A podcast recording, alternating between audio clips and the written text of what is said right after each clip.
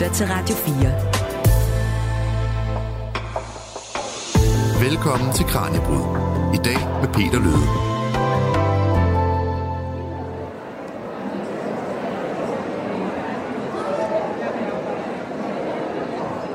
Og vi har stadigvæk gang i vores specialserie af highlights fra årets bogforum. I weekenden der kiggede vi i Kranjebrud nemlig forbi Danmarks største bogmesse, hvor vi talte med nogle af landets førende eksperter og forfatter stjerneskud, der deler ud af deres viden inden for alt fra film, sprog og litteratur til Danmarks underverden og ungdomsliv. Og apropos bøger, så handler det i den her omgang om ord. Både de ord, der findes, og dem, der ikke findes. For i fredags der offentliggjorde den danske ordbog en liste med 427 nye ord, som har fået en plads i ordbogen sammen med 15 nye betydninger og 6 nye faste udtryk. Og derfor så hæver jeg redaktørerne på den danske ordbog til side til en snak om, hvad det egentlig er, der afgør, hvilke ord, der får æren af at komme med i ordbogen, mens andre ikke gør. Samtidig så skal vi også blive klogere på ord som insual og nafabim, og det kan lyde som vrøvleord, og det er det også. Min kollega Andrew Davidson har nemlig talt med journalist og tv-personlighed Anders Lund Madsen om de ord, som han opfandt til sin egen ordbog. I dagens program kan du altså både blive klogere på alle de ord, der har vundet så meget indpas, at vi har været nødt til at optage dem i ordbogen, og en masse af de ord, der nok aldrig bliver en del af sproget. Tak fordi du lytter med. Mit navn er Peter Lød. Velkommen til dagens Kranjebrud. Du til Kranjebrud på Radio 4. Og her i Kranjebrudstudiet på Bogforum har jeg fået besøg af Kirsten Abel, Henrik Lorentzen og Jonas Jensen, der er redaktør på Den Danske Ordbog. Velkommen til. Tak. Tak. Tak. Der er jo kommet en masse nye ord med i ordbogen. Det er jo blevet offentliggjort i dag. Vi har ord som lifehack, vi har udtryk som at gå med bar kasse, vi har biopejs, vi har kukuk. Der er 100, 427 nye ord, 15 nye betydninger og seks faste udtryk, der er kommet med i, med i ordbogen. Og jeg kan godt tænke mig at høre hver især, hvad jeres yndlingsord af de her nye ord er. Det kan være, at vi skal starte over ved dig, Jonas. Ja, altså min personlige favorit, og nu bliver det lidt latrinært, men det er pedallokum. Ja. Øhm, det er et ord, jeg selv har øh, undersøgt og, øh, og, og, og defineret i, mm. i øh, ordbogen. Og øh, det var et af de sjovere, vil jeg sige. Det var meget skægt øh, øh, at kigge eksemplerne igennem, teksteksemplerne, og så var det, et, altså det var noget, der... Jeg, jeg kom virkelig i tanke om mit eget første møde med et pedallokum i Italien, cirka 1995. Det glemmer man ikke lige, så på den måde, sjovt ord. Hvad med dig, Kirsten? Ja, min personlige favorit, det er helt klart øh, ordet fnugrulle. Ja. Øhm, jeg synes, det er et helt vidunderligt lavpraktisk øh, ord, som jeg er rigtig glad for at komme med i ordbogen. Det er også et ord, som, øh, øh, som man måske ikke lige umiddelbart kan, kan gennemskue, hvis man ikke har mødt en fnugrulle. Øh, og jeg synes, det er rart at vide, at øh, vi er blevet enige om et eller andet ord for, øh, for den genstand. Og, øh, og hvad med dig, Henrik? Øh, jeg faldt for ordet vinterhårfør. Vinterhårfør? Ja, Øh, og i ordbogen skriver vi, at det bruges især om planter. Og det er sikkert også rigtigt, altså en plante, der kan tåle at stå ude i, i alt slags vejr og, og gennemgå en vinter. Men jeg tænker også på, at vi kunne bruge det om mennesker, fordi vi har nok behov for at være klædt på til at komme igennem endnu en vinter, selvom det ikke er med sne og frost så meget som i gamle dage, men øh, alligevel er lang tid, man skal gå og vente på, at det bliver forår igen. Jeg tror måske også, der er mange, der går og tænker på, hvorfor vi egentlig har en ordbog i første omgang. Altså det er jo et opslagsværk over stort set hele det, det danske sprog. Hvad er formålet med, med ordbogen? Jeg må starte med at rette dig, fordi desværre er det bestemt ikke et opslagsværk over hele det danske sprog. Det danske sprog er langt, langt større end den del, der er beskrevet i ordbogen. Og det er en af grundene til, at forholdsvis almindelige ord, øh, der beskriver hverdagsfænomener som fnugruller og pedallokummer og vinterhårførplanter, øh, først kommer med nu. Så man har prioriteret i første omgang at tage øh, de mest brugte ord, de mest udbredte ord med i ordbogen, og så breder vi os langsomt øh, længere og længere ud i periferien af ordforrådet. Og det, det er der, vi er nu. Mm. Øhm.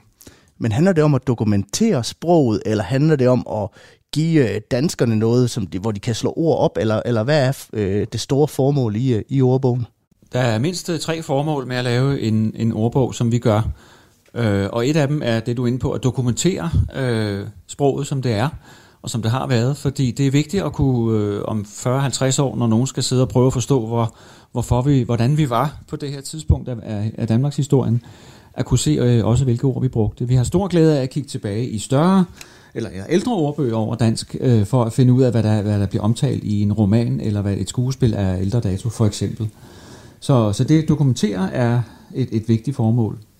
Men det er også vigtigt, øh, andre formål, nemlig at producere, som man kalder det. Altså mm. at, at selv skrive eller tale. Altså kunne slå op og se, hvordan ordene bruges, og finde ud af, hvordan man så selv skal gøre det. Simpelthen, hvis man sidder og skal skrive en tekst, altså finde ud af, hvad, ja. hvad, hvordan kan jeg bruge det her ord? Nemlig, øh, lige præcis, øh, eller holde en tale, eller hvad det kan være, noget man forbereder sig på. Og endelig er der det med at forstå, altså mm. reception, som man kalder det. Det vil sige, øh, få hjælp til at finde ud af, hvad ordene betyder. Øh, det er ikke fordi det ord, man ikke kender i forvejen. Og øh, der er jo kommet alle de her nye ord med, øh, lifehack og, og, og pedallokummer, og hvad vi ellers har talt om allerede. Øh, handler det om, at ordbogen også skal afspejle det moderne sprog i så høj grad, som, som det er muligt? Nu nævnte du før, Jonas, at det gør den jo ikke helt, men, men skal den prøve at afspejle det i, i så høj grad som muligt? Ja, helt afgjort. Altså både det, det nutidige sprog, men også det sprog, der ligger i årtierne, der går forud for det her. Så, men det er en stor opgave, fordi der kommer langt flere ord til, end vi kan nå at beskrive med de ressourcer, vi har til rådighed. Øhm, så vi er nødt til at øh, håndplukke.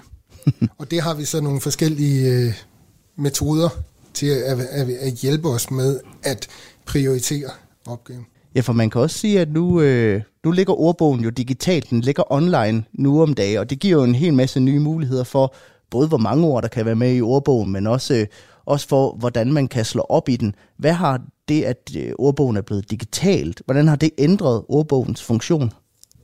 Helt konkret har det ændret på den måde, at man nu kan gå ind i et bestemt opslag, og så kan vi linke direkte til et andet. Førhen der havde man måske en pil og en henvisning mm. til et andet ord, men det foregår mere direkte nu. Det har haft den konsekvens, at nu kan man øh, høre indtalte øh, lydfiler med udtalen af rigtig mange ordene.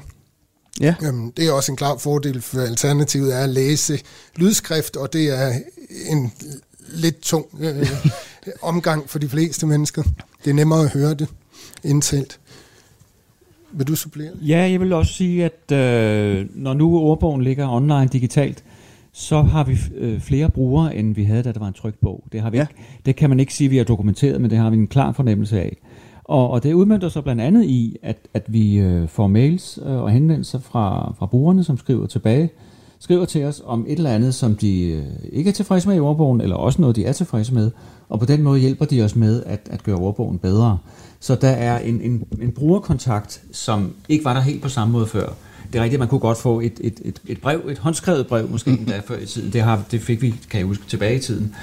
Øh, med henvendelser fra folk, der, der ville gøre sig opmærksom på et eller andet. Men, men nu kan det jo så foregå meget direkte og hurtigt. Og endelig har den digitale udgivelsesform den oplagte fordel, at der jo er uendelig plads mm. i princippet. Så længe vi har råd til serverpladsen, og den er billig til salg nu om dagen, så kan ordbogen blive ved med at vokse. Øhm, det er kun midlerne, der sætter grænser. Har det været en begrænsning før? Da, da den udkom på tryk, ja, afgjort, fordi det var, den var berammet til at fylde de her seks bind. Og øh, så er man selvfølgelig nødt til at lave en benhård prioritering. Hvad kan undværes, og hvad skal vi pine død hernede?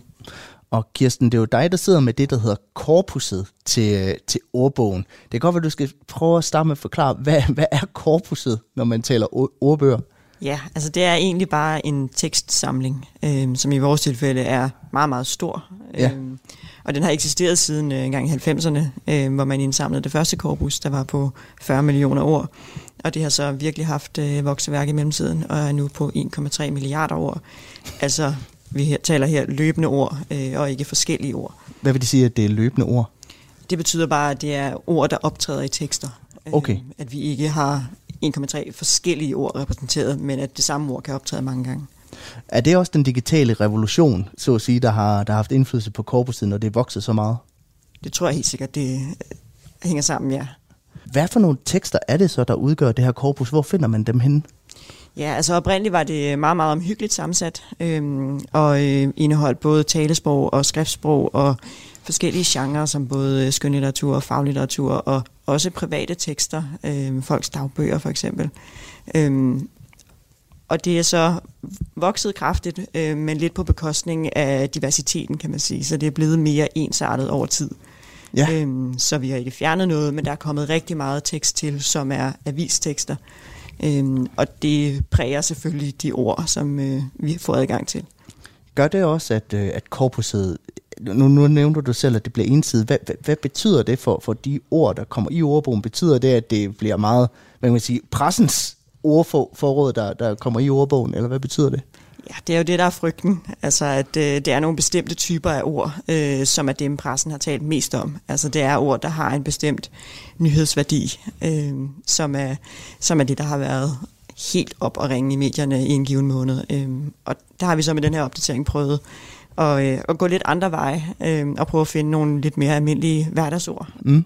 Hvor har I søgt efter dem hen så? Jamen altså, vi har faktisk øh, brugt det korpus, vi nogle gange har, øh, men vi har gået til det med nogle lidt andre metoder, end vi plejer, øh, hvor vi meget plejer at kigge på det, der ligger aller, aller øverst i hyppighed. Øh, og den her gang har vi så gået efter dem, som ligger i laget lige under, kan man sige, øh, ja. som ikke er helt oppe at ringe nogensinde, men som altid findes i et eller andet omfang. Øh, så det er alle sammen ord, der har eksisteret i 10-15 år uden ophør, øh, og som rigtig mange af os jo kender og bruger til daglig. Øhm, så det er også et forsøg på at komme lidt tættere på, på almindelige mennesker, kan man sige, og, og mindre på, på det meget øh, presse nære. ja, for man kan også sige, at der er enormt stor forskel på de ord, vi bruger verbalt, og de ord, vi bruger på, på tekst. Altså, det er, vel også, det er vel også noget af det, der er svært at indkapsle i, i ordbogen, det, den forskel, der er i, i sproget der. Helt sikkert, og det er den type øh, tekster, som det er meget, meget svært at få, øh, fordi vi jo ikke har en mikrofon ude i de danske hjem og hører, hvad folk egentlig siger til hinanden over, over aftensmaden. Øh, så derfor så, så arbejder vi med det, vi har adgang til, og det er i høj grad øh, de der medietekster.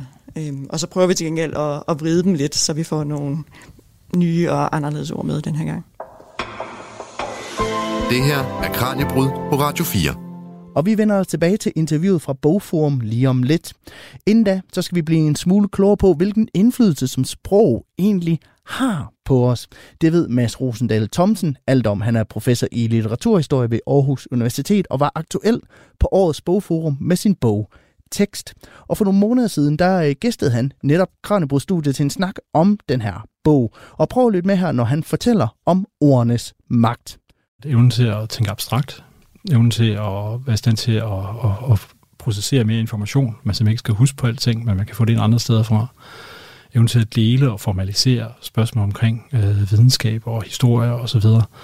Alle de ting, kan man sige, har, øh, er redskaber, man har fået, men som jo samtidig også skærper øh, evnen til at, at, at, at skulle udtrykke sig på nye måder, og, og udtrykke sig skarpere og måske nogle gange mere abstrakt. Og netop som du peger på, ikke? Altså, at øh, det, det er jo også problemløsning, ikke? at man kan sige, at øh, den måde, hvorpå at øh, matematik og skrift har udviklet sig sammen, øh, er også, kan man sige, en ting, som har haft øh, enorm betydning. Og hvis vi skal sådan øh, starte helt tilbage, øh, hvad kendetegner så de første tekster, vi kender til? Altså, hvad beskriver de første tekster, vi kender? Ja, de cirkulerer jo på mange forskellige måder, ikke? Ja. Uh, altså, og sprog, kan man bare lige for at få kronologien på plads, ikke? Sprog er måske 70.000 år gammelt. Uh, skrift er omkring 5.000 år gammelt, ikke? Og indimellem der har man ret stor vidsthed for, altså at, at folk har begyndt at lave noget, som man kan kalde tekster. Ikke? Hvis en tekst er, kan man sige, en række ord, der giver mening, øh, og som kan gentages i den samme form, mere eller mindre, ikke? og som vi jo har i form af sange, som jo formentlig opstod før, myter, øh, folkefortællinger øh, om øh, eposser, ikke? altså hele den græske kulturs øh, berømte eposser, øh, Odysseen og Iliaden, er jo, har jo kan man sige, en mundtlig tradition forud for den måde, hvorpå de så siden havde blevet nedskrevet. Øh, og det er klart også, kan man sige, religiøse myter øh, er, noget af det, som man, man har cirkuleret. Så, øh, så der, er, der er en vid række af ting, som, som vi øh, kan man sige, tænker på som tekster, og som så selvfølgelig mere og mere bliver til noget, vi forbinder med, at det har været skrift, men som har cirkuleret før. Og som vi jo stadigvæk cirkulerer. Altså sange er jo, kan man sige, et eksempel på noget, som man, man cirkulerer mere eller mindre godt. Øh, nogle gange ser man folk stå med deres smartphones, og, fordi man ikke lige kan huske hele teksten, ikke? men uh, scroller med alligevel. Andre gange, så kan man jo faktisk hele teksten. Og jeg kunne godt tænke mig at dykke lidt ned i det her øh, forhold mellem tekst og fællesskaber. Øh, og for at starte med et eksempel, så er der det, der hedder fortolkningsfællesskaber. Kan du fortælle lidt om, hvad et fortolkningsfællesskab er? Jamen, det er en, en amerikansk øh, ret provokerende litteraturkritiker, der hedder Stanley Fish, øh, som, som skrev om, omkring den her idé om, altså, at vi jo ligesom øh, har nogle forudsætninger for at gå ind og være enige om, at der er nogle ting, der giver mening på en bestemt måde. Og det kan man sige, det er jo måske også en meget stærkt socialiserende ting, øh, og som øh, jeg, i bogen giver det her morsomme eksempel med, at han jo lod nogle navne stå tilbage på en tavle i et klasselokal fra en forrige time, øh, og som simpelthen bare til fem, øh, øh undskyld, seks navne på en, på en tavle. Men så sagde han til de studerende, at, at det her det er et religiøst stik, som jeg gerne vil have, I skal fortolke. Og så gik de jo straks i gang med at fortolke det, ikke? men måske fordi de havde nogle, og som siger, var, var en, en ramme, hvor de jo enige om, at det kunne man godt, det her. Uh, så den der idé om, at, kan man sige, altså, at der er nogle, nogle forudsætninger, som er fælles, uh, at, at det er en, som kan man sige, er meget stærkt, uh, har en meget stærk påvirkning, og som jo kan man sige, bruger bredere. Den uh, britiske sociolog Benedict Anderson taler om uh, forestillede fællesskaber. Uh, og et eller andet sted kan man sige, som en erkendelse af, altså, at der er ikke noget, der er naturligt i den måde, hvorpå vores kultur opstod. Ikke? Det er øh, ting, som har historie bag sig, ikke? som har nogle solide konstruktioner, men de er jo ikke dumpet ned et eller andet sted fra. De er blevet til og skal vedligeholdes og udvikle sig. Øh, og den måde, hvorpå det sker, det kan man sige, det er jo så det, som er fortolkningsfællesskaber eller forestillede fællesskaber. Og deri spiller de fælles tekster jo så en enorm rolle. Og jeg kommer til at tænke på sådan noget som læseklubber, når du snakker om fortolkningsfællesskaber. Er det noget, man har haft længe? Altså ved man noget om, øh, hvor længe man ligesom har mødtes om en tekst og, øh, og brugt tid på faktisk at tale og fortolke den? Altså hvor lang er sådan en tradition? Altså, tradition for historiefortælling er enormt lang. Altså, og også i masser af kulturer, som ikke har, øh, har, har skrift. Øh, en af mine, mine yndlingsromaner, uh, Chino Achebes Things Fall Apart, som er en af de første moderne afrikanske romaner, skriver netop, man kan sige, meget stor indfølelse omkring altså hele den tradition, der var for at sidde og fortælle fortællinger om forfædre og så videre.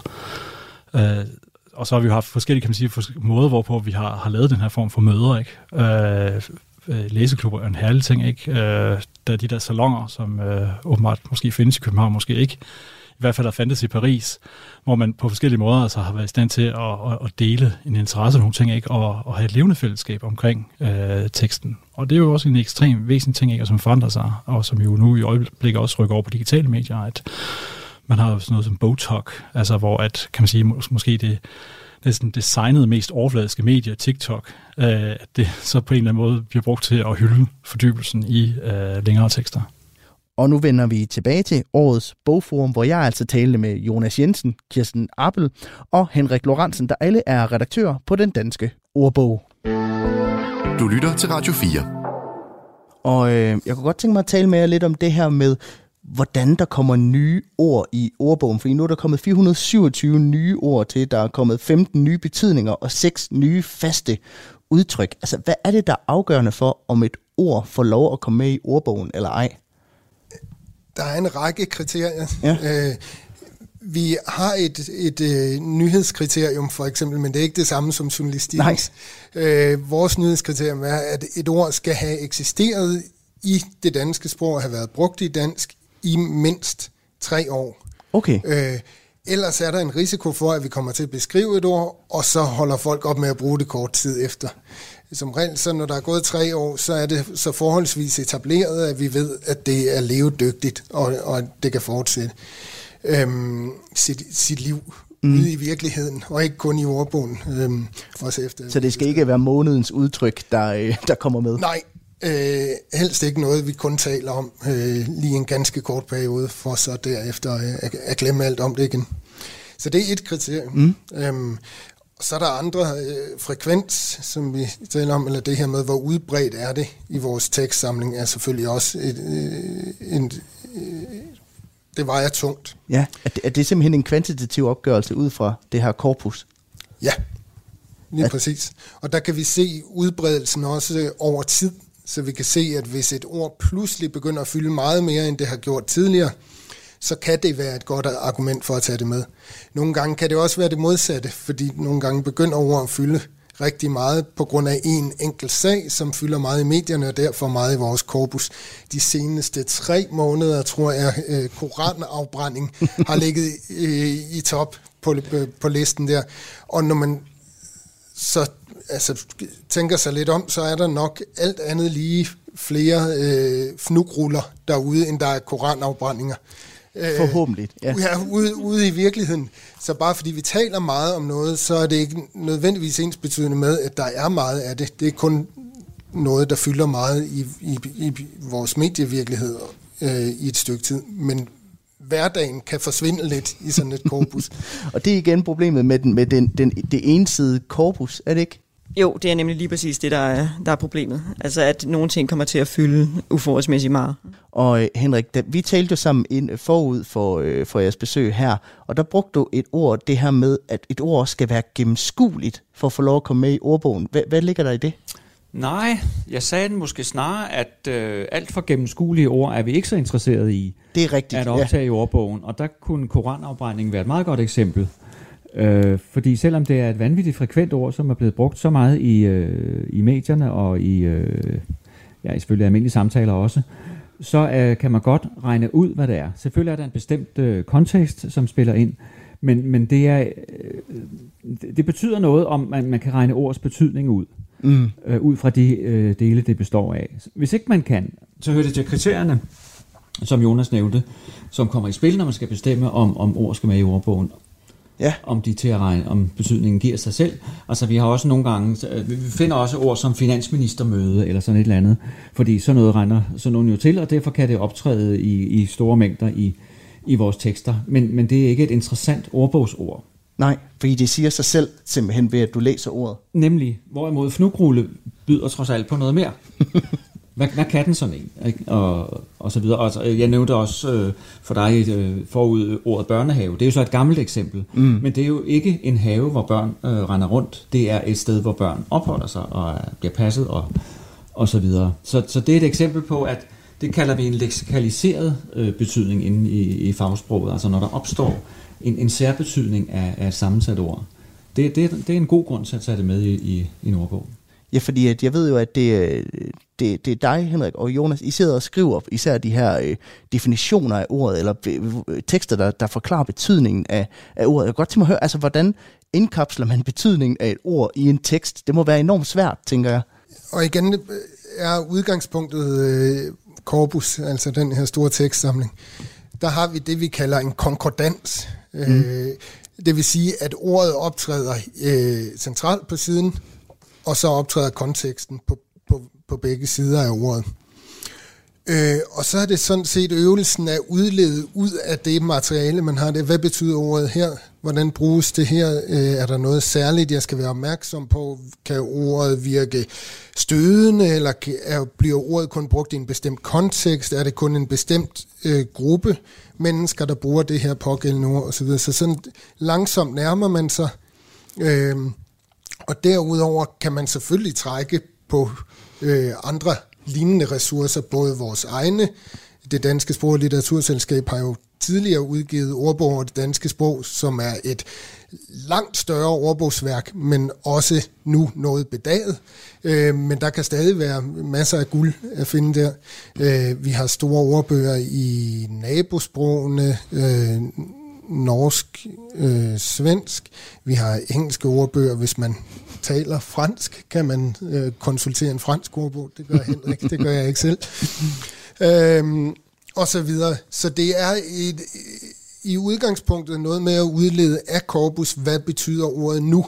For det er det vigtigste for os at finde ud af, hvordan bruges det i dag i nutidssproget og i dansk. Øhm, og resten er så med til at give en kontekst og en rygdækning for den beskrivelse af betydningen, vi ender med.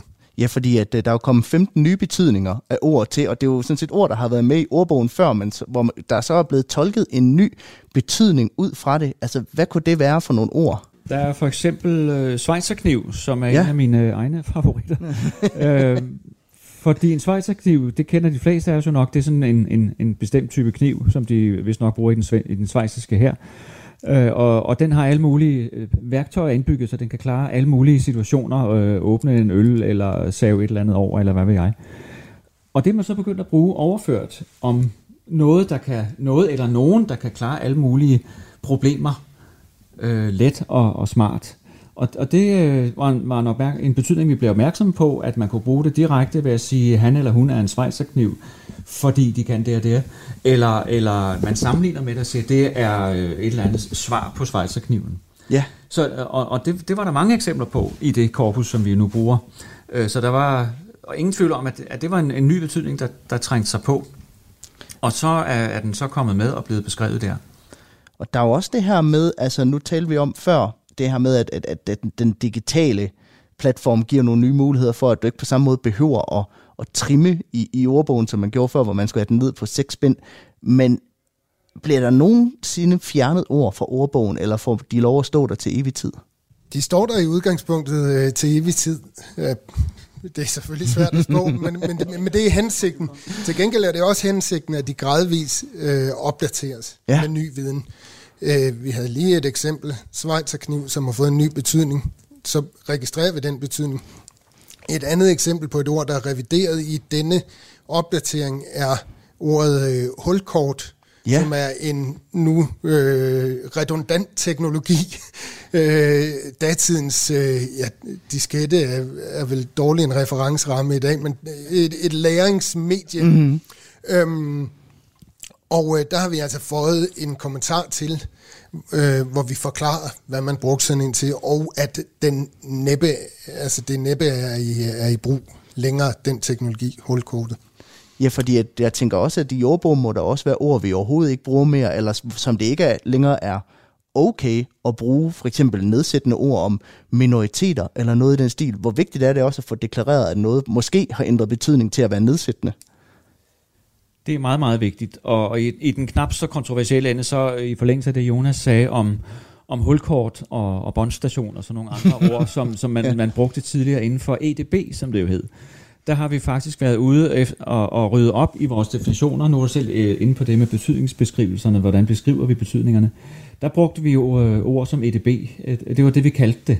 For sådan sagde vi stadigvæk i 90'erne, men det kan man jo ikke rigtig gøre i dag, uden at næsten blive til grin. Så der besluttede vi øh, for, os for at rydde op i det og sige, at vi, vi tager ordet EDB ud af vores egen tekst.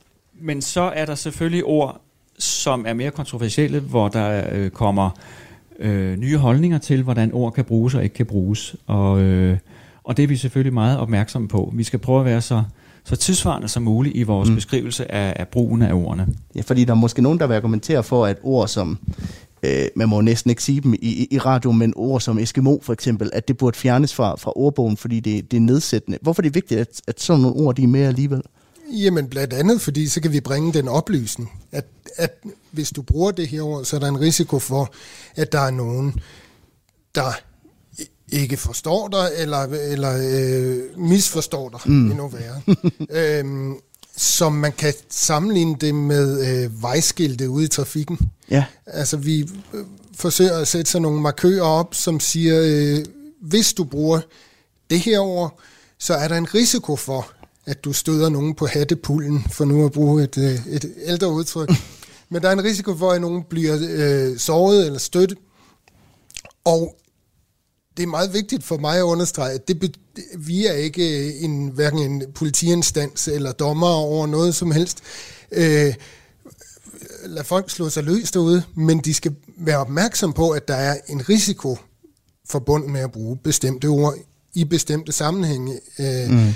Inden for psykiatrien har vi en masse sådan øh, forældede udtryk, åndssvag, idiot osv., som oprindeligt var fagudtryk, retarderet. De er ikke længere fagudtryk. Det er vigtigt for en ordbog at følge op og sige, være opmærksom på, at det her ikke længere er det alment accepterede ord i den her sammenhæng, og at hvis du bruger det, så kan du forvente, at, øh, at, at kommunikationen bryder sammen, mm. eller at du selv kommer til at sidde i en ubehagelig situation. Havde du noget at supplere med, Kirsten? Ja, fordi altså en vigtig grund til, at vi har de her ord, er jo netop også det, at vi er en beskrivende ordbog. Øhm, så det, at noget står i ordbogen, er ikke på nogen måde en blåstempling af, at du skal bare gå ud i verden og bruge det her ord, uden at tænke dig om. Øhm, men vi er altid interesseret i, at folk kan slå et ord op øh, og finde ud af, hvad det her handler om. Ja, så det handler om at få deklareret det, så folk også ved, øh, hvilke ord man skal bruge, og hvilke ord man ikke skal bruge. Men det er trods alt en del af sproget alligevel, kan man sige. Ja, og det er også vigtigt, at folk kan finde ud af, hvad det betyder. At der ikke er noget, der bliver så tysk-tysk, at man simpelthen kan sidde og ikke vide, hvad det er, de andre taler om.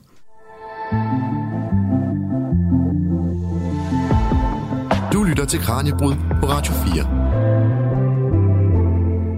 Og nu hopper vi for en stund til et andet interview fra årets bogforum. Vi vender tilbage til den danske ordbog lige om lidt. For inden da, så skal vi lige nå forbi en anden ordbog, nemlig den, som tv-personlighed og journalist Anders Lund Madsen udgav tilbage i 2014, den der hedder Anders Lund Madsens AØO. En ordbog, som både fortæller om alle de ting, der ikke findes et ord for, men også om alle de ord, som der ikke findes beskrivelser af. I forlængelse af min samtale med redaktørerne på den danske ordbog, så hævde min kollega Andrew Davidson fat i netop Anders Lund Madsen til en samtale om de her mange opfundne ord, som bogen indeholder. Skal vi ikke starte med at snakke om, hvad dit yndlingsord er? Altså, er, er ord i hele verden? Ord i hele verden. Øh, uh. Ja. Mm, mm, mm, mm. Altså, jeg kan godt lide ordet amok. Mm. Fordi, Hvorfor? Ja. Det vil sige, det er fordi, det, det er, så vidt jeg ved, det eneste låneord, vi har fra, øh, fra polynesisk, tror jeg. Eller også er det, øh, der er polyneser, og så er der øh, melaneser, jeg kan ikke helt... Jeg, en af de, det er et stillehavssprog, eller også er det aboriginisk. Hvor man alting er. Det er ikke vores eget ord. Og øh, ordet amok er bare et rigtig godt ord til at forklare, hvad det er, der foregår. Man behøver ikke, tror jeg, at forstå, øh, hvad amok betyder, for at forstå, hvad amok betyder. Det har, det har en god ordlyd. Ja, ja. altså at man går amok. Ja. Hvor Man, man kan ikke andet end at gå amok. Altså du kan ikke løbe eller falde. Eller, nej, det, ja, amok er et godt ord. Og så er det dejligt med nogle øh, altså, ligelig fordeling af konsonanter og vokaler. Ja, okay, så det, det er meget sådan, det er også et pænt ord. Ja, Altså harmonisk ord. æstetisk, Ja. Og du kan skrive det med, med store bogstaver, så vil det være flot. Og små også. Altså, fordi har, med små bogstaver har de tre lave, og så kommer der sådan en, en, en, en bordstøtte til sidst. Ja. Eller en bogstøtte hedder det. Ja. Øh, nej, det, der er sgu ikke nogen. Der er ikke noget. Men det, om det er det bedste af dem alle sammen. Det er også et urimeligt spørgsmål. Jeg synes, det er et godt svar. top 10. Ja, klart. Mule, jeg er også glad for ordet mule, vil jeg sige, bare lige sige. Fordi Mule? Også, altså som en hests øh, næse. Ja, Hvad så med mulepose? Ja, ja det, det er ikke så godt som mule. Nej. Men det er også godt, fordi altså, mule hiver den op, ikke? men pose, ja. Jeg synes, mule og pose er bedre hver for sig end sammen. Okay, ja. Men de går, jeg synes, de, altså det, de er også symmetriske. To, Meget to fire ord, Ja. eller fire ord med fire og, bogstaver. og med, med en øh, høj i, i begge to, ikke? Ja. og den ene stikker sig ned, og den anden stikker. Ej, jeg vil godt revurdere. Jeg synes, uh, mulepose er et flot ord rent grafisk. Okay, ja. Anders, du har jo. Undskyld.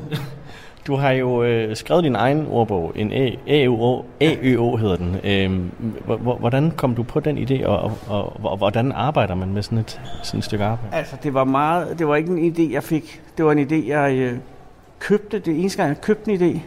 Fordi der lavede en engelsk ordbog en gang øh, i 80'erne, tror jeg. I 1980'erne. Som hed The Meaning of Life. Og som er øh, Douglas Adams, som skrev øh, sammen med hans gode ven, hvis navn jeg ikke husker lige nu.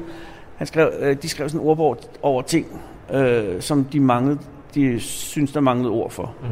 Og så havde de i stedet for, øh, eller de ord, de brugte, var stednavne. Og det var startet på en ferie i Grækenland. Og det var før internettet og alt sådan noget, og hvor de virkelig kedede sig. Og så havde de siddet og kigget på sådan en kort.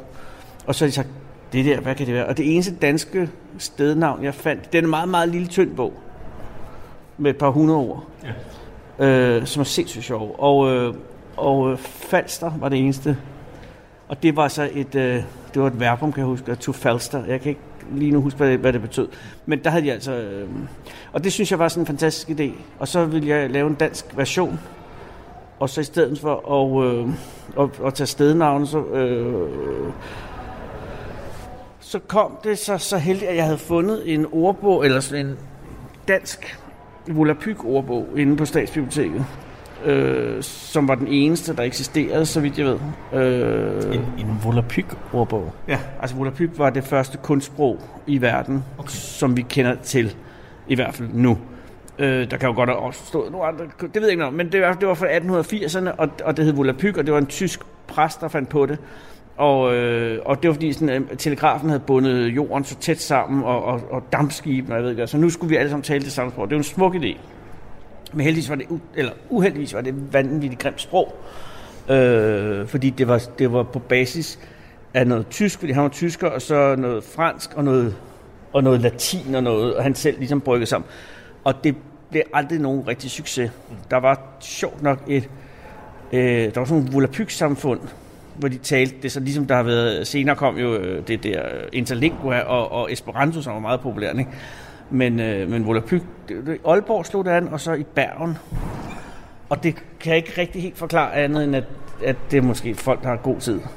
Og så, er det, øh, og så var det sjovt, det var derfor, der var en Volapyk dansk ordbog, lavet af det Aalborgensiske Volapyk-selskab. Og den, synes jeg, fik jeg sgu lidt ondt af, fordi de der ord, de lå der. Ikke? Og, og, og de har jo sagt, altså for eksempel, øh, når han skulle, øh, altså bare et eksempel på, hvor grim Volapyk var. Så øh, det kvindelige bryst, som jo hedder bryst på dansk, eller, eller breast på engelsk, ja. busen på tysk, øh, så hedder det på Volapyk øh, blødtasseklod. Og jeg ved ikke, om det er blødt del sidst, det håber jeg næsten. Men det er bare ikke et særligt, det er ikke et særligt godt ord for bryst. Og jeg ved ikke, hvor fanden han kommer derhen. Men det er også en, en katolsk præst, så på den måde er det også øh, fremmed for ham.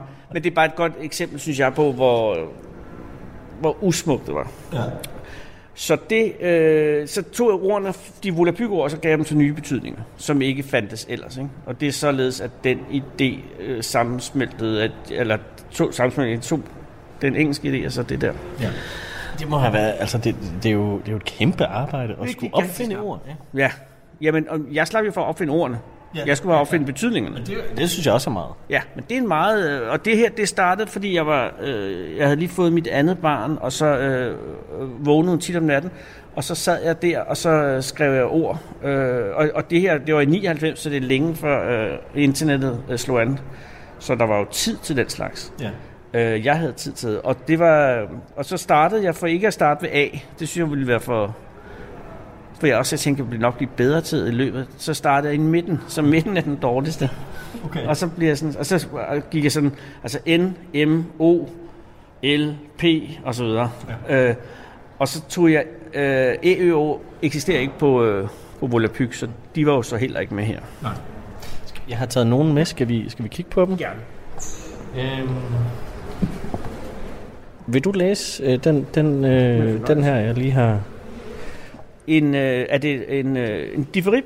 Nej, den nede En, en dik? Ja. ja. Det er et substantiv, og det er en penis, der hopper fra nøjet, når indehaveren går fra omklædningsrummet og hen til bruseren. Det er jo en... Øh, det her viser jo også, at det er et tidsdokument, mm. øh, den her ordbog. Fordi at øh, det her er et fra den første... Jeg har lavet en del udgaver efterhånden, hvor der er kommet tilføjelser til, og noget er røget ud, og noget andet er kommet ind. Men det her, det, det vil næppe holde i den øh, næste... Fordi at man sjældent jo ser hinanden i svømmehallen længere. Jeg har lige været i svømmehallen i Sverige, der, der er det fuldstændig umuligt. Der har man altså, jo, altså familieomklædningsrum, men du kan ikke sådan gå ind øh, og bare lige... Men det var jo det, som i gamle dage var den store demokratiserende faktor, hvor man så... Og der nogle gange så man fantastiske ting, blandt andet en dik. Altså, det er, jo, det, er jo, det er jo et dejligt billede, man får på nettet. Det synes jeg. Ja. Og det er den der... Det er tit også fordi, at hvis man har... Øh, altså hvis man kommer op i årene, ikke, som, som, øh, som man jo gør, så vil man tit få sådan en, en, en lille fedt pude, kan man vel nærmest kalde det, under, nej over, undskyld, over der, hvor, hvor skridtet er, ikke, og hvor penis er. Øh, og det kan sådan simpelthen, det er noget rent anatomisk, tror jeg, det får det hele til at vippe lidt mere. Ja. Fordi det er ligesom, at, øh, at penis sidder festnet på fedtpuden, det lyder værre end det er. Det kommer til at være et grimt billede nu. Men, Fedtpuden, eller jeg vil hele tiden festnet på fedtpuden. Men dem, der ved, hvad jeg mener, ved, hvad jeg mener. Nå, lad os prøve. Øh, jeg har også... Øh, nu skal jeg lige se, hvordan jeg... Den, her, den her synes jeg var ret øh, charmerende. Ja. Kan du prøve at læse den øverste her? En sual. Altså, du kan høre, at de her ord er jo ikke fame. Det er et adjektiv. Og beskrivende for den tavshed, der sænker sig over en børnefamilie på ferie, når de, trænger ind, når de træder ind i en landsbykirke. Ja, Jeg synes, det er meget poetisk. og det er jeg meget glad for, du synes. Ja. Øh, fordi det er jo det, der også... Ja, det er jo forklaret der. Men det er jo den der... Men det, det kræver jo virkelig også en observation af dig, fordi det er jo rigtigt, det her. Men det er jo, jeg har aldrig tænkt på, at det skal have et ord, det her. Nej, og jeg er jo heller. Jeg er jo selv efterfølgende gået ind med, en- med en familie i, i adskillige kirker, fordi at, at jeg har en øh, søn, der er meget optaget af gravsten. Okay. Så, så vi ser en del kirker. Øh, og jeg har jo oplevet det der, men jeg har ikke, jeg har jo aldrig brugt ordet. Så jeg vil sige, det er jo ikke en super succesfuld overvåg på den måde. Fordi, Hvornår skulle man også bruge det? Nå, det skulle være for eksempel, så sidder man i bilen bagefter, ikke? siger, der var vi sole derinde, ja. eller sådan noget. Ikke? Men hvorfor skulle man sige det? Fordi det er jo det er et ord, du bruger indad, om så må sige. Ja. Øh, så jeg, ja. Jeg er glad for, at du ved, hvad jeg mener, øh, men det er jo ikke, det er ikke super funktionsdueligt Nej. sprog, altså orden. Og det er vel også derfor, de ikke har haft ord indtil videre. Ja. Noget af det eneste, som, som, som virkelig har haft, øh, altså har været et behov for, det var et ord for den der øh, dims i supermarkedet, der adskiller varerne. Mm. Øh, og det har, det har der været mange forespørgseler på, og jeg har valgt ikke at... Du vil ikke blande dig i den. Nej, det skal jeg ikke. Vipsred skal jeg ikke hånden ind i. øh, men der kan man sige, der var for helvede ellers et behov, ikke? Ja. Men det, det har jeg så valgt ikke at fylde. Vi har også, øh, den synes jeg også er charmerende, den her naf. nogle gode eksempler. Hvad siger du? Jeg er glad for, at du har fundet nogle øh, gode eksempler, fordi jeg, øh, du vil også kunne finde nogle vildt dårlige. Oh, altså, det er jo rigtig mange ord, du har fundet på. Jo, jo, og det er, lå mig. Det er ikke, tro mig, det er ikke alle sammen. Nafabin, det er noget, som berettiger en virkelig god gang tuderi. Ja, og det er jo noget... Øh, Hvad kan det være, for eksempel? Ja, det kan være, øh, altså det her, det er jo noget, som berettiger en god naturlighed. Det kan for eksempel være, at, øh, at ens øh, kæledyr er dødt. Mm. Øh, af, eller at, at man er blevet forladt af, af sin kæreste, eller, eller at man har, øh, altså det kan også være smertebaseret, men jeg tror mere, at det her er en, sentiment, altså en følelsesmæssig, øh, det er jo noget med, at man godt har, man vil godt, have, man har lyst til at græde. Mm. Øh, men man synes ikke rigtig, man kan tillade sig det. Det kan være, hvis det er et ganske lille kæledyr, der er dødt. Altså for eksempel min datter har haft en øh, museunge, som... Øh, altså det var fordi, at vores hund havde fanget mus. Så havde musen vist sig, at musen havde unger, og så en af ungerne var... Hunden fangede mus. Hunden fangede mus, ja. Nå, okay. En øh, musehund, jeg ved ikke. Den tror, den er en kat. Men den har fanget, den fangede en mus og dræbte musen, så ungerne var også dræbt de fleste, undtagen den ene, som var... Og den kunne man godt se ikke ville overleve. Mm. Men, men da, da den så døde, så græd hun jo over. Så det, det kan man jo sagtens sige, at det har det berettet for hende. Ikke? Så hun har været... Na, na, kan jeg sige? Været nafabi. Der. Ja. Eller haft det. Haft det. Ja, hun har haft nafabim, ja. Ja. Altså, jeg kan også godt lide den der over NAF, det lyserøde fnuller, man finder i bunden af pæne damers dametasker. Det, det, fordi det, det er jo rigtigt, det, det findes. Ja, jeg ved ikke, om det findes så meget mere. Nej, det Men der har fået... Altså, hvis man tænker på øh, Pruselusken fra øh, Pippi Langstrømpe, hende der, den fine dame, som, som altid prøver at få hende på børnehjem, ja. så vil jeg kunne forestille mig, at hun havde en del naf. Men det, det er der, vi er henne. Og hun er jo også, jeg tror, de gamle damer, der har øh, naf i deres tasker, er uddøende. Ja. Men der er en del... Øh, nu sidder vi jo på bogforum. Det ved jeg ikke, om, om det, er det hemmeligt? Nej, nej, det er nogle fordi gange. det indgår måske. Så der er mange... Øh, de sidste fine damer er herude. Jeg har kørt i tog med mange af dem. Så vi kunne faktisk godt finde NAF herude. Ja. Mm-hmm. Ja. Øhm, kunne du egentlig godt tænke dig, at et af dine ord kom i ordbogen? Nej, for jeg har dem jo i ordbogen. Ja. Øh, det, det vil ligesom være... Så det, nej, det vil jeg helst ikke have. Nej. Fordi så er det ligesom så... Det er lidt et overgreb, ikke? Ja. Så kommer de... Ja, og det tror jeg, det er det, der sker, hvis man giver den der dims til varerne, der adskiller varerne hen i brusen, ja. øh, et navn, ikke? Så vil de være der med deres lange øh, sprognævnsfimmer og, og have det grabset ind. Og så er man blevet en del af det etableret. Altså, jeg er kommet på en definition, og så tænker jeg på, om vi kunne finde på øh, øh, altså ordet, oh. hvad det skal hedde. Ja, det vil meget gerne. Jeg har, øh, jeg har skrevet her, den begejstrede, men også en anelse anspændte stemning, når et mindre, men ret hipt forlag har et meget begrænset antal gratis muleposer på bogforum. Ja. Ja, det er en ganske lille jubel, ikke? og, det, og det skal man have et godt ord for. Det har du fuldstændig. Fordi der har jeg været, øh, det har jeg jo oplevet. Ikke lige med, med men andre gratis effekter, ja. øh, til, og som man ikke rigtig er glad for, men man, der var, nej, det er urimeligt at begynde at sige, hvad det var, men jeg kan bare huske det, at jeg har oplevet det sidste år. Øh, øh, så det er, øh, det, det, det er et ord for fornemmelsen, ikke? Jo. Så det er ligesom en, ja, Eller stemning. Stemning, ja. Så jeg vil sige, det er jo noget med, at det skal være, man skal være, man skal være, øh, altså en, en, en ubel, tror jeg, altså vil være et bud, fordi det er en lille bitte jubel, ikke? en ubel, eller, eller, eller en Giffel vil også være et, bud. Giffel. Giffel ligger måske for tæt op af giffel. Men det er fordi, at man begynder, nu begynder man, og det er jo pissefarligt. De begynder at ligge for tæt op af Ja, noget. men nej, men hvis du begynder, det er derfor, at Volapyk er, er skide godt. Ja. Jeg har jo bare brugt dem nu. Ja. Jeg har ikke flere. Øh, fordi der, der er man bundet. Men kunne vi måske, altså fordi vi snakkede om amok før, det, det er, det er, det er kogt, ikke? Det er Ja. altså virkelig en hård lyd, ikke? Ja. Men her, jeg synes, du har ret i et blødt j og en, Ja. og en u-lyd. Jeg ved ikke, om vi er ude i noget der. Jufel. Jufel vil være rigtig godt. Ja. Og jufel. F er også godt Ja. i den her, ikke? Altså, der kommer lidt luft ud, men ikke for meget. Jufil, men så kommer st- st- trykket på den sidste, det er måske ikke godt. Ja. Jufel har dens øh, fare, at det ligger også tæt op af jubel, ikke? Ja, det er rigtigt. Fufel. Men det er for tæt på fusel. Ja. Fusel er jo også et godt ord. Ja. Virkelig, virkelig godt. Fusel. Det kan du også det kan du smage, hvad det er, ikke? Ja. Selvom man ikke aner det. Ej, en, øh, Hunkel. Så siger man godt. En p-lyd, det vil være for hårdt, ikke? jo, et B kan vi Ja. ulme, men det findes jo. Ja. Nej, en, en, øh, altså enten en jufel eller en ubel. Jeg tror, jeg stemmer på jufel. Så tager vi jufel. Ja. Anders Lund Madsen, tak for din tid. Andrew, tak fordi jeg måtte, og øh, må jeg tage ordet med i næste revidering? tak. Og fra et sted på Bogforum til et andet, nu vender vi tilbage til vores improviserede studie og fortsætter snakken om den danske ordbog. Det her er Kranjebrud på Radio 4. hvor vi i den her uge er forbi Bogforum i Bella Centeret.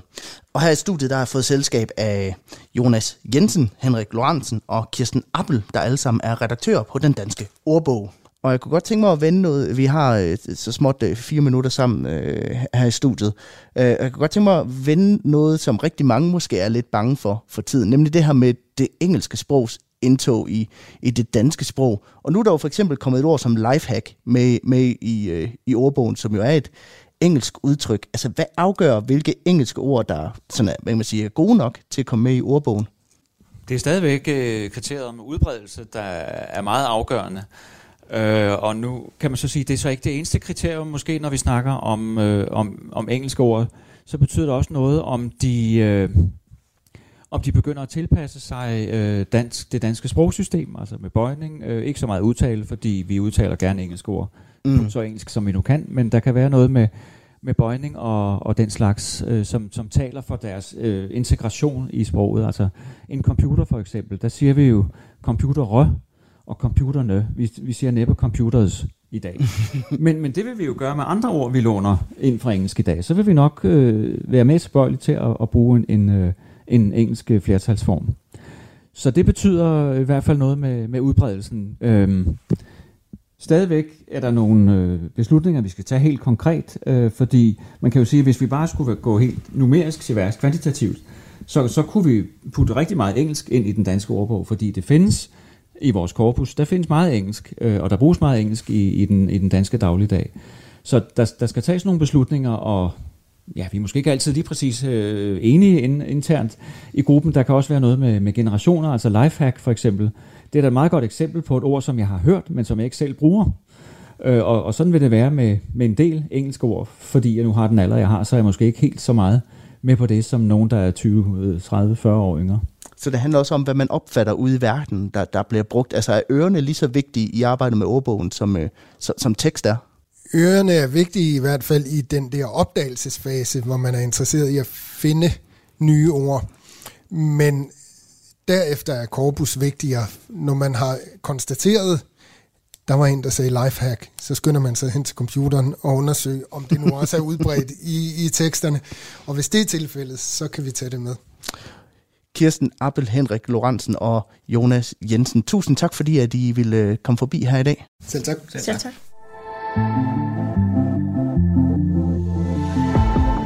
Du lytter til Kranjebrud på Radio 4. Således slutter dagens highlights fra Bogforum. Vi vender tilbage i morgen med endnu flere interviews fra Danmarks største bogmesse, det er som altid kl. 12.10 her på Radio 4. Så alt der er tilbage at sige, det er tusind tak, fordi at du lyttede med. Mit navn det er Peter Løde, og programmet er produceret af Videnslyd for Radio 4. Det var alt for Kranjebrud i dag. Nu vil jeg give pladsen videre til nyhederne.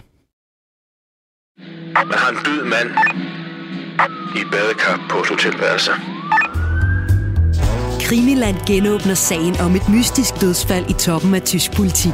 Der er ikke nogen som helst sådan umiddelbare synlige indikationer i retning af, om han er blevet myrdet, eller om han er begået selvmord. Genstand for genstand gennemgår Christoffer Lind og Anders Oris hotelværelset for spor. Livet er påklædt. Barsel, han har skjorte og slips på. Hvis vi begynder med at fokusere på badekarret og på livet, så har han ikke sine sko på. Han har ikke nogen sko på. Lyt til Krimiland om Uwe Barschel i Radio 4's app, eller der, hvor du lytter til podcast. Radio 4. Det her, det, øh, det vil blive et mysterium. Ikke så forudsigeligt.